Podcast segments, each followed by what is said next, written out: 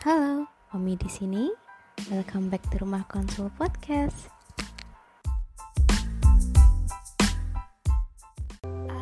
Halo sahabat Tommy semuanya, apa kabar nih?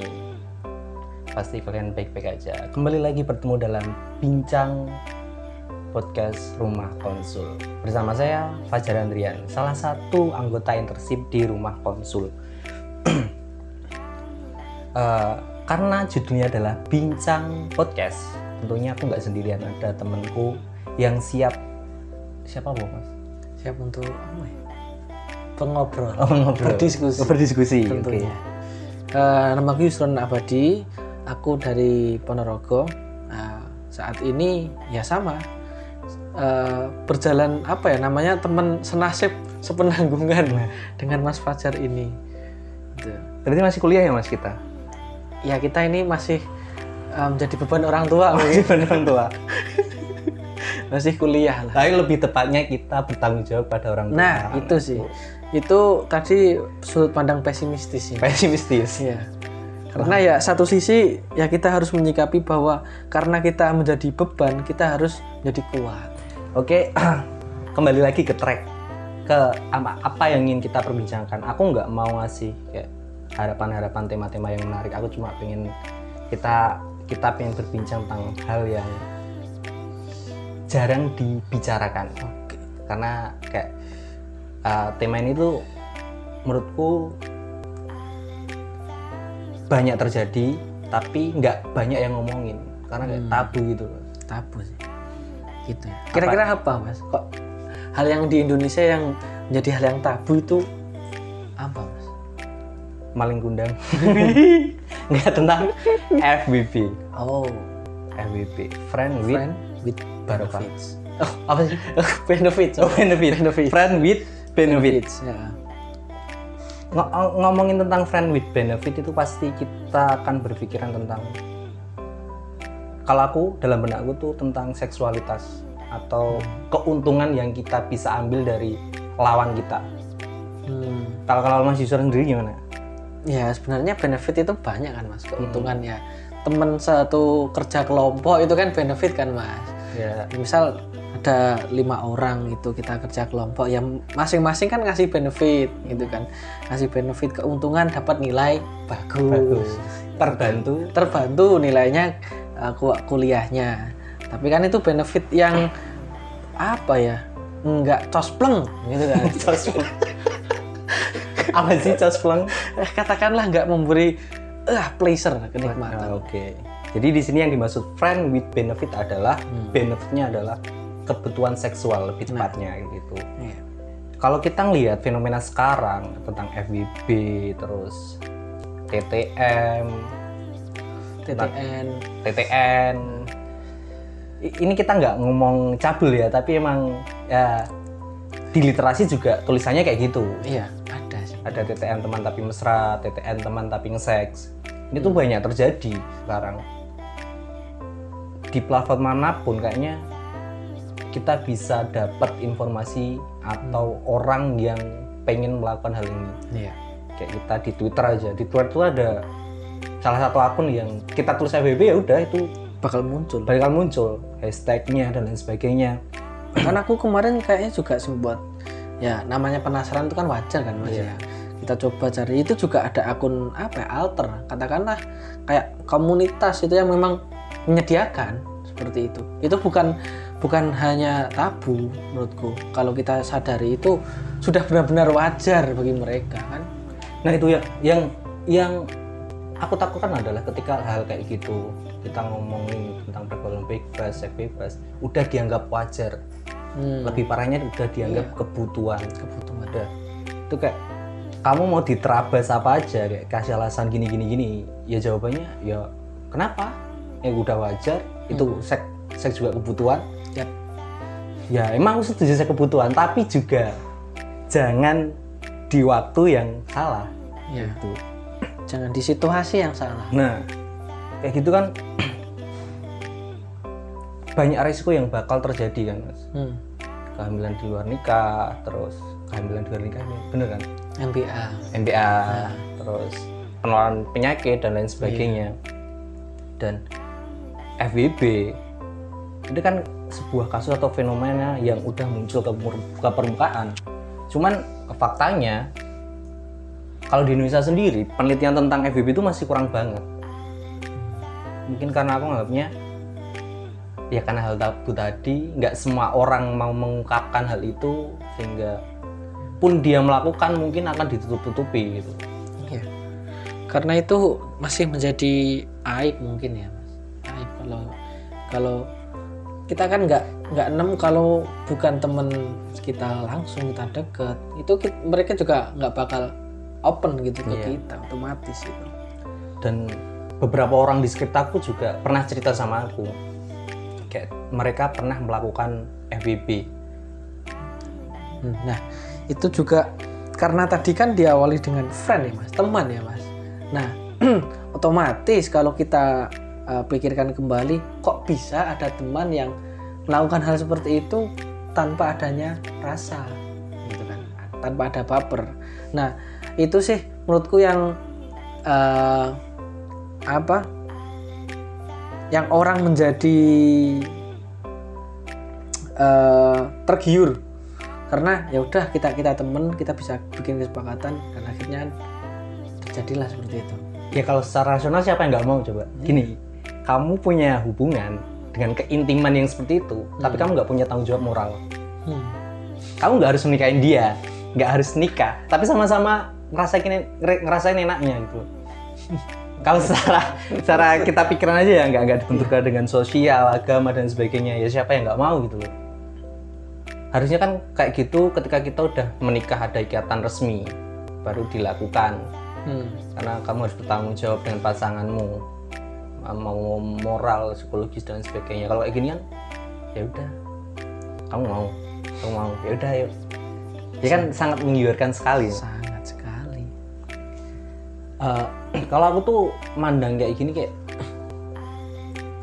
yang ditakutkan dari seks bebas menurutku bukan hanya tentang penyakitnya bukan hanya tentang kerusakannya cuma aku lebih takut ke apa sih edik oh ya ke candunya. Nah candunya.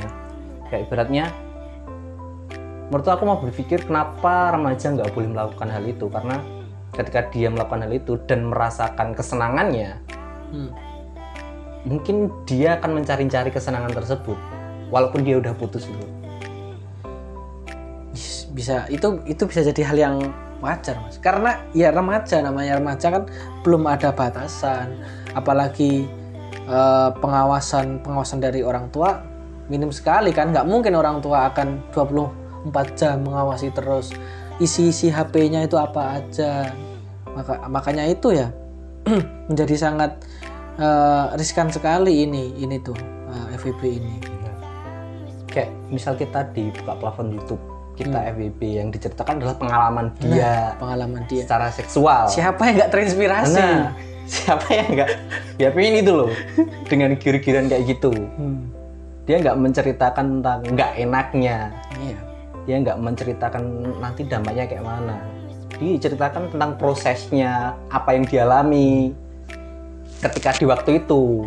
Kan ya menurutku ya nggak masalah tapi untuk orang-orang tertentu mungkin kalau dengerin masih bisa berpikir kalau kita udah dewasa awal dan sebagainya udah bisa berpikir oh ini akan melukai orang-orang di sekitarku atau ini akan bahkan melukai diri sendiri.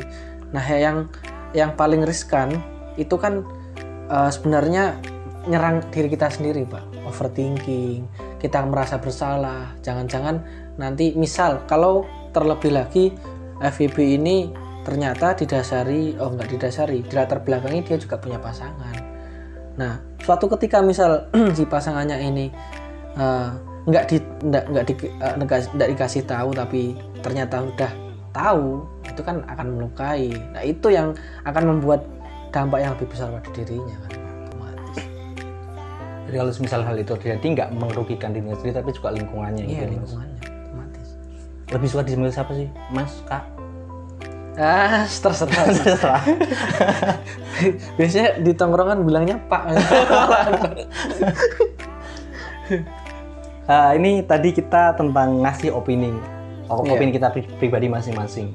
Hmm. tentang FVP itu seperti apa dari kacamata kita kan kita kan kayak nggak afdol gitu kalau nggak ngasih secara empiris Iya, atau teori-teori terdahulu lainnya lah ya. Mas Ron mungkin bisa membacakan atau Oke.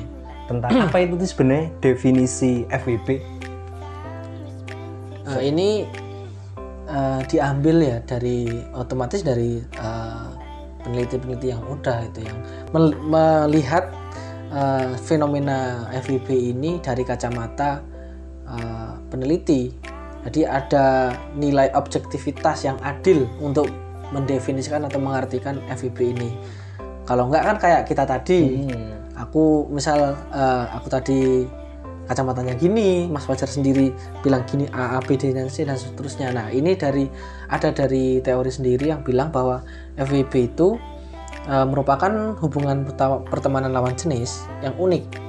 Karena apa? Karena melibatkan hubungan seksual tanpa disertai komitmen, perasaan cinta, dan dorongan untuk melanjutkan hubungan tersebut ke arah hubungan romantis. Nah, dan dengan kesadaran iya, penuh. dengan dengan kesadaran nggak minum alkohol nggak minum obat-obatan Enggak. mereka sepakat untuk melakukan perilaku tersebut keuntungan yaitu seksual Hmm. dengan sadar. Dengan sadar. Mungkin nggak sadar nggak sadar sepenuhnya sih mas. Mabuk oleh eh, tadi loh. Mabuk oleh bayangan-bayangan ah, apa ya kenikmatan, ya. dan lain sebagainya. Itu sih. Kalau di eh, aku pernah baca di salah satu bukunya Eric Fromm yang seni mencintai Hmm. itu. Seharusnya kalau eh, kita secara sadar akan melakukan hubungan body to body ke orang ya ada memang ada beberapa eh, model cinta. Ada cinta erotis cinta eh, sebagian aku lupa sih yang aku paling ingat adalah cinta erotis. Nah cinta yang erotis itu yang memang berdasarkan pada pleasure pleasure body ya terutama kenikmatan kenikmatan yang didapatkan oleh tubuh. Nah mungkin orang-orang yang secara apa ya secara sadar dengan penuh melakukan FWB ini ya itu tadi terjebak dengan cinta erotis itu tadi kemungkinan mas. Iya sih, aku setuju sih karena nggak nggak ada komitmen di sana, iya. Nggak ada. ya di ibarat. Shopee COD Shopee COD tiba-tiba Shopee eh, oh, sorry COD-nya antar tubuh. Kan gimana mas Yes. Jodoh antar tubuh nggak tuh. COD antar tubuh Dan menariknya dari fakta Hmm. penelitian, karena Ya. kita ngambil ini dari beberapa penelitian ya. Mahasiswa banyak yang melakukan hal ini. hmm. Misal di penelitian tentang FWB ini dari 200-an lebih mahasiswa mahasiswa melakukan yang namanya casual seksual. Hmm. Jadi FWB ini sebenarnya kan masuk dalam yang namanya casual seks- seksual. Casual seksual itu dibagi menjadi empat. Ada one one night stand. Kalau dalam bahasa Jawa, kalau dalam lagu itu cinta satu malam cinta satu malam, lintang sewengi. lintang Nah, suwengi lintang sewengi. Terus ada friend with benefit sendiri, ada fuck budi, body body. Body fuck body, terus ada booty call. Nah ini adalah jenis-jenis yang namanya casual sex. sex. Relationship. Atau uh, ibaratnya adalah gimana sih? Hubungan yang hubungan yang dijalin dengan tujuan pemuasan hasrat seksual yaitu. Iya. dari penelitian itu ratusan mahasiswa melakukan FVB ya ada yang melakukan FVB ratusan lagi one night one, one next time. One stand cinta satu malam. Cinta satu malam. Terus disebutkan juga bahwa di situ uh, peneliti miris tentang fenomena yang Oh, terjadi. merasa miris ini. merasa miris merasa kok ternyata moralitas pemuda pemuda pemuda seperti ini. Iya. Ya menjadi wajar sih karena ya gimana kultur kita memang ke timur timuran ada Iya. kita ke timur timuran dibenturan dengan fenomena kayak gini. Jadi kita akan berpikir kok bisa ya? Hmm. itu kan gapnya. Dilakukanlah penelitian ini. Terus Mas Husen ada fakta lagi kira-kira? Secara secara gender kalau saya eh, kalau aku tadi baca ya mas beberapa kali baca itu dari dari gender itu lebih meng- menginginkan ke jenjang lebih. Maksudnya ini eh, ya ya karena mungkin perasaan cewek itu lebih peka ya, Berarti ge- mungkin ya. secara penelitian di penelitian disebutkan bahwa gender perempuan Heeh. lebih ingin hubungan itu berlanjut ke hubungan Iya. romantis waktu itu. ya hubungan romantis otomatis ya karena mungkin ya mungkin itu penilaian subjektif dari aku sendiri ya karena mungkin yang bilang tadi cewek itu lebih baper dan sebagainya mungkin teman-teman yang nggak setuju mungkin bisa komen atau berikan kom- eh, pandangan sendiri nanti di eh, mungkin di platform eh, rumah konsul. Nah itu. Nah tapi kalau dari penelitian ya seperti ini gitu kan. Coba bayangin deh kalau eh, teman-teman cewek ini ya ya siapa tahu ya si- siapa yang ngira kita kita nggak tahu kita nggak uh, seuzon ke teman-teman. Tapi kalau kita berada di posisi seperti itu kita enaknya stuck di hubungan seperti itu yang penting sama-sama enaknya berjalan tanpa komitmen kalau kita ada butuh datang atau memang ya kita lanjut aja Tapi kalau aku berpikir FWB ini nggak bakal bertahan lama. Hmm. Pasti ada waktu di mana mereka harus kontradiksi dengan definisi FWB sendiri Iya. tentang hubungan tanpa komitmen, hubungan bukan romantis. Ketika mereka ada timbul perasaan cinta karena ya kita nggak memungkiri Trisno jalan Skokulino. Kita bertemu dengan seseorang Iya. sampai melakukan hubungan intim kebutuhan afeksi kita terpenuhi untuk didengarkan terpenuhi. Ya kan timbul mungkin akan timbul perasaan nyaman dan akhirnya timbul perasaan cinta dan cinta. ya itu akhir dari hubungan itu. hubungan itu. Karena memang hubungan ini tidak bisa untuk dibawa ke romantis nggak bisa karena ya udah secara definisi aja kayak Iya. gitu. Nah, itu akan apa ya memutus kontrak lah mungkin ya, antara kedua orang itu. Dari udah fakta kita udah ngomongin fakta kita udah ngomongin definisi nggak afdol kalau nggak ngomongin faktor. Nah. Udah kayak di kelas. Ada definisi. Ada definisi. Biasanya ada aspek sebenarnya aspek biasanya ada aspek. tapi ini diwakili sama fakta tadi fakta aja. tadi. Ya, diwakili fakta. Menuju ke faktor. Faktor faktor terjadinya friend with Benefit. benefit.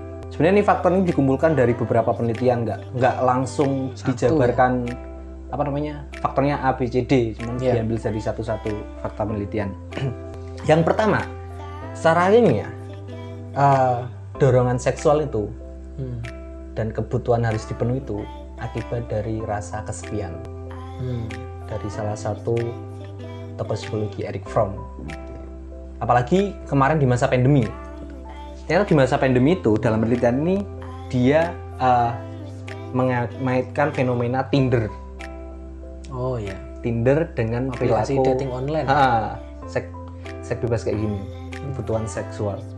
Banyak-banyak saja penelitian yang apa namanya diwawancarai dan diobservasi mereka menyebutkan bahwa mereka mendownload Tinder untuk tujuan mencari.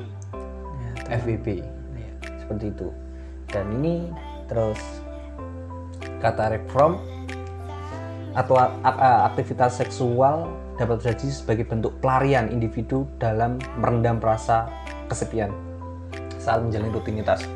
Ya kita tahu kemarin lockdown dan sebagainya, mungkin ini salah satu pelarian seseorang untuk memuaskan atau menghindar dari rasa kesepian. Karena emang kesepian tuh berat berat, Berat. Sangat berat. aku setuju nih mas Eh, belum lama ini kan aku juga be- beberapa membaca kan jurnal eh, terutama tema tentang subjective well-being kesejahteraan ya katakanlah happiness lah ya kebahagiaan nah salah satu eh ah, gini maksudnya kebahagiaan itu sebenarnya dibagi ada dua cara mendapatkannya yang pertama lewat eh, kenikmatan pleasure Hmm. ya bisa dengan seperti ini uh, kebutuhan fisik kemudian biologis dan sebagainya ada yang lewat namanya gratifikasi nah gratifikasi itu bisa dicapai dengan kegiatan-kegiatan yang kita senangi naik mendaki gunung dan sebagainya mancing main sepak bola nah ada yang bilang bahwa uh, orang-orang ini uh, lari dari kesengsaraannya pada hal-hal yang mendapatkan kenikmatan secara langsung, kenikmatan tubuh itu juga untuk cara dia agar mencapai bahagia. Nah, jangan-jangan karena selama masa pandemi orang-orang itu merasa kesepian, otomatis kan tingkat kebahagiaannya menurun kan, Mas. Mm-mm. Nah, alami apa ya proses alami dalam tubuh itu langsung membaca kemungkinan ini kemungkinan apalagi di usia-usia yang 20 ke atas Wah, itu. yang yang belum 20 ke atas sudah udah seperti ini banyak kasus loh banyak kasus di bawah kan?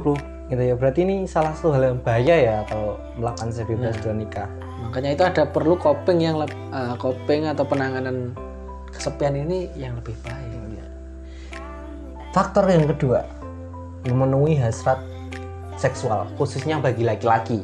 Daripada perempuan yang kita udah jelaskan tadi bahwa laki-laki mencari ketika FBB itu lebih mencari tentang kebutuhan seksual. Ya. beda dengan perempuan yang lebih ke afeksi perasaan. jadi ya mereka pengen sebenarnya pengen mereka pengen lebih Hmm. untuk ke jenjang romantis tapi terbentur oleh definisi ya terbentur oleh uh, kesepakatan mereka Kesepakatan. sendiri kan Kontrak. menurutku itu bakal tersisa banget sih tentu faktor yang ketiga pernah mengalami kekecewaan pada hubungan komitmen nah artinya sebenarnya dia eh, di masa sebelum melakukan FWB udah melakukan hubungan romantis. Memiliki komitmen memiliki tujuan ada perasaan mengasihani cinta kasih sayang dan sebagainya. Cuman dia dikecewakan. Terus faktor yang terakhir menjadi pilihan bagi dewasa muda yang belum siap menikah dan khawatir tentang hubungan romantis. Ini udah gawat sih mas kalau ini. Kalau ya fenomena akhir ini kan kita tahu kan kayak akhirnya eh, mereka akhirnya datang hubungan ini tapi ghosting bisa jadi kan mas? Ya kalau memang kamu belum siap untuk melakukan hubungan romantis atau paling tidak eh, jangan apa ingin bermain-main api mending dimatikan apinya kan ini bahaya sekali Iya. soalnya karena dia nyarinya karena dia nggak siap nikah Iya. nggak siap tanggung Nggak jawab siap tanggung jawab artinya ke hal-hal kayak gitu iya itu dan itu akan menjadi bola salju lah katakanlah kalau kita tidak menyadarinya ya. kita udah ngomongin faktor ada empat faktor tadi kesepian hasrat terus trauma pernah mengalami kekecewaan terus salah satu pelarian Iya. kalau udah ngomongin faktor biasanya ngomongin dampak. Dari dampak aku ngambilnya juga dari eh, salah satu penelitian. Di situ ada ada tiga hasil hasil penelitian. Mm-mm. yang pertama merasa puas. Wah. Dia senang tentu tentu. Ah, dia senang melakukan hal itu. Yang kedua juga dia merasa nyaman gitu melakukan hal itu. Dan yang tiga ini hasilnya adalah banyak yang menyesal. Hmm. terus yang kedua ada penyakit menular. Iya itu bisa bisa banget. bisa bisa banget itu. Itu masuk akal banget. Mm-mm. apalagi sampai body to body. Itu. Selanjutnya ada sedih. Nah sedih ini juga otomatis relate kan mas? Kalau kalau apalagi terbentur dengan definisi tadi si cewek ini tadi pengen berharap lebih tapi ternyata ya ya udah hubungan ini karena badan doang kalau teman-teman yakin melakukan hal itu hal Iya. ini atau yang sedang tolong pikirkan tentang hal ini mungkin kita berpikiran tentang kenikmatan dari pleasure ya. ketemu sama orang saling setuju nggak ada tanggung jawab moral dan sebagainya cuman ya kali eh, kayak gitu bakal bakal bertahan lama nah istilahnya cuma di kamu doang Hmm. Padahal kita juga kamu datang ke dia karena kamu ada kebutuhan. Iya. ya kan? Semisal ternyata kebutuhan itu nggak terjawab di kamu. Nah. Kan jawabannya di soal lain Nah. Pak. bisa jadi dan kamu nggak boleh. Misal ada kan ada ada batas-batasan tertentu ya Iya. mas. Yang nggak boleh ini nggak boleh itu nggak boleh Hmm. ini ya. Itu kayak ya gitu. Cuma kebahagiaan 5 menit aja. Enggak lah mas. 5 menit lebih dikit. Gitu ya.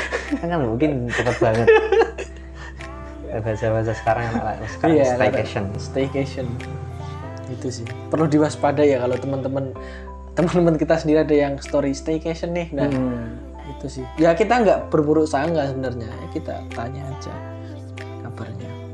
Ya itu sih. Kalau pesanku ya buat teman-teman yang berpikiran atau sedang melakukan mungkin bisa merenungkan lah 5 menit Iya. 10 menit tentang apa yang akan terjadi kelak Hmm, paling tidak ketika timbul ingin jangan mencari informasi kesenangannya. Nah itu nah itu kan bahkan bakal mencegah kalau kita mencari informasi yang buruk. Harus ada komparasi. Nah iya harus ada komparasi. Dong. ada senang susahnya seperti apa? Iya. nggak cuma senangnya aja lu senangnya aja ya. Ya aku mau. Nggak nggak nggak bercanda doang bercanda doang. Enggak makanya itu harus harus seimbang. Oke. Dari garis bawahi dari perbincangan kita tadi kita udah ngomongin tentang opini kita mengenai FBB itu sendiri bahwa fenomena Ya. banyak, banyak terjadi tapi belum banyak kajian karena emang perbincangan seperti ini kayaknya tabu juga. tabu Tadi definisi secara uh, umum umum dan secara ilmiah tentang bahwa FBB bukan termasuk hubungan romantis. Tujuannya adalah tentang seksual, seksual dan dengan kesadaran. iya faktanya ya banyak terjadilah sekarang FBB kita tahu sendiri. Banyak media-media support banyak fenomena terjadi mungkin di lingkungan kita yang kita pikir nggak ada ternyata ada. Terus tentang faktor tadi kesepian dan lain sebagainya dampak. Dan kayaknya kita harus di penghujung waktu Hmm. untuk bincang podcast rumah singkat konsum. sekali ya mas. Singkat. Iya iya semoga teman-teman nggak bosen ya dengerinnya Iya. Ya tadi mungkin kalau ada yang baik bisa diserap, gitu kan. Mm-mm. Mungkin ada yang otomatis bisa diserap lah yang kalau yang baik. Ya mungkin ada yang mungkin kejelekan dari Nah. diskusi kita itu ya itu manusiawi lah. dan maaf juga kayak vibe-nya berbeda dari dari podcast podcast sebelumnya karena kita emang kayak dia temen di tongkrongan Iya. malah harus membawa uh, kultur ini ke ke Iya. podcast rumah konsul. Dan ah, cuma kalau teman-teman uh, mau bantu kita tolong share atau komen boleh. Atau kalau mau jadi pembicara juga juga boleh. Kalau teman-teman juga pengen konsultasi psikologi bisa juga ke rumah konsul. Ya. karena di sana di sana ada berbagai layanan tentunya. Kalau Mas Yon juga lagi stres Ya, kesepian biasanya mas. Gesekan bisa dia loh eh, main ke rumah konsul atau Iya. berminat internship juga bisa Bisa. Kayaknya teman-teman di sana juga asik kan buat Hmm. sharing-sharing ngobrol. sharing-sharingnya kayak kita punya lingkungan baru Iya. dan ada closing statement mungkin atau enggak Ya menjadi dewasa itu nggak harus soal intim hubungan intim. Menjadi dewasa itu menjadi matang dan berpikir lebih baik dan yang, yang lebih layak. sih. Ngeri Karena kan dia di- kalau kita bicara dewasa kan konotatifnya Hmm. seperti itu kan. Mas. mantap sama juga sih juga. Oke. mungkin sekian dulu untuk sahabat Omi eh, bincang podcast kali ini sampai jumpa dalam bincang podcast selanjutnya makasih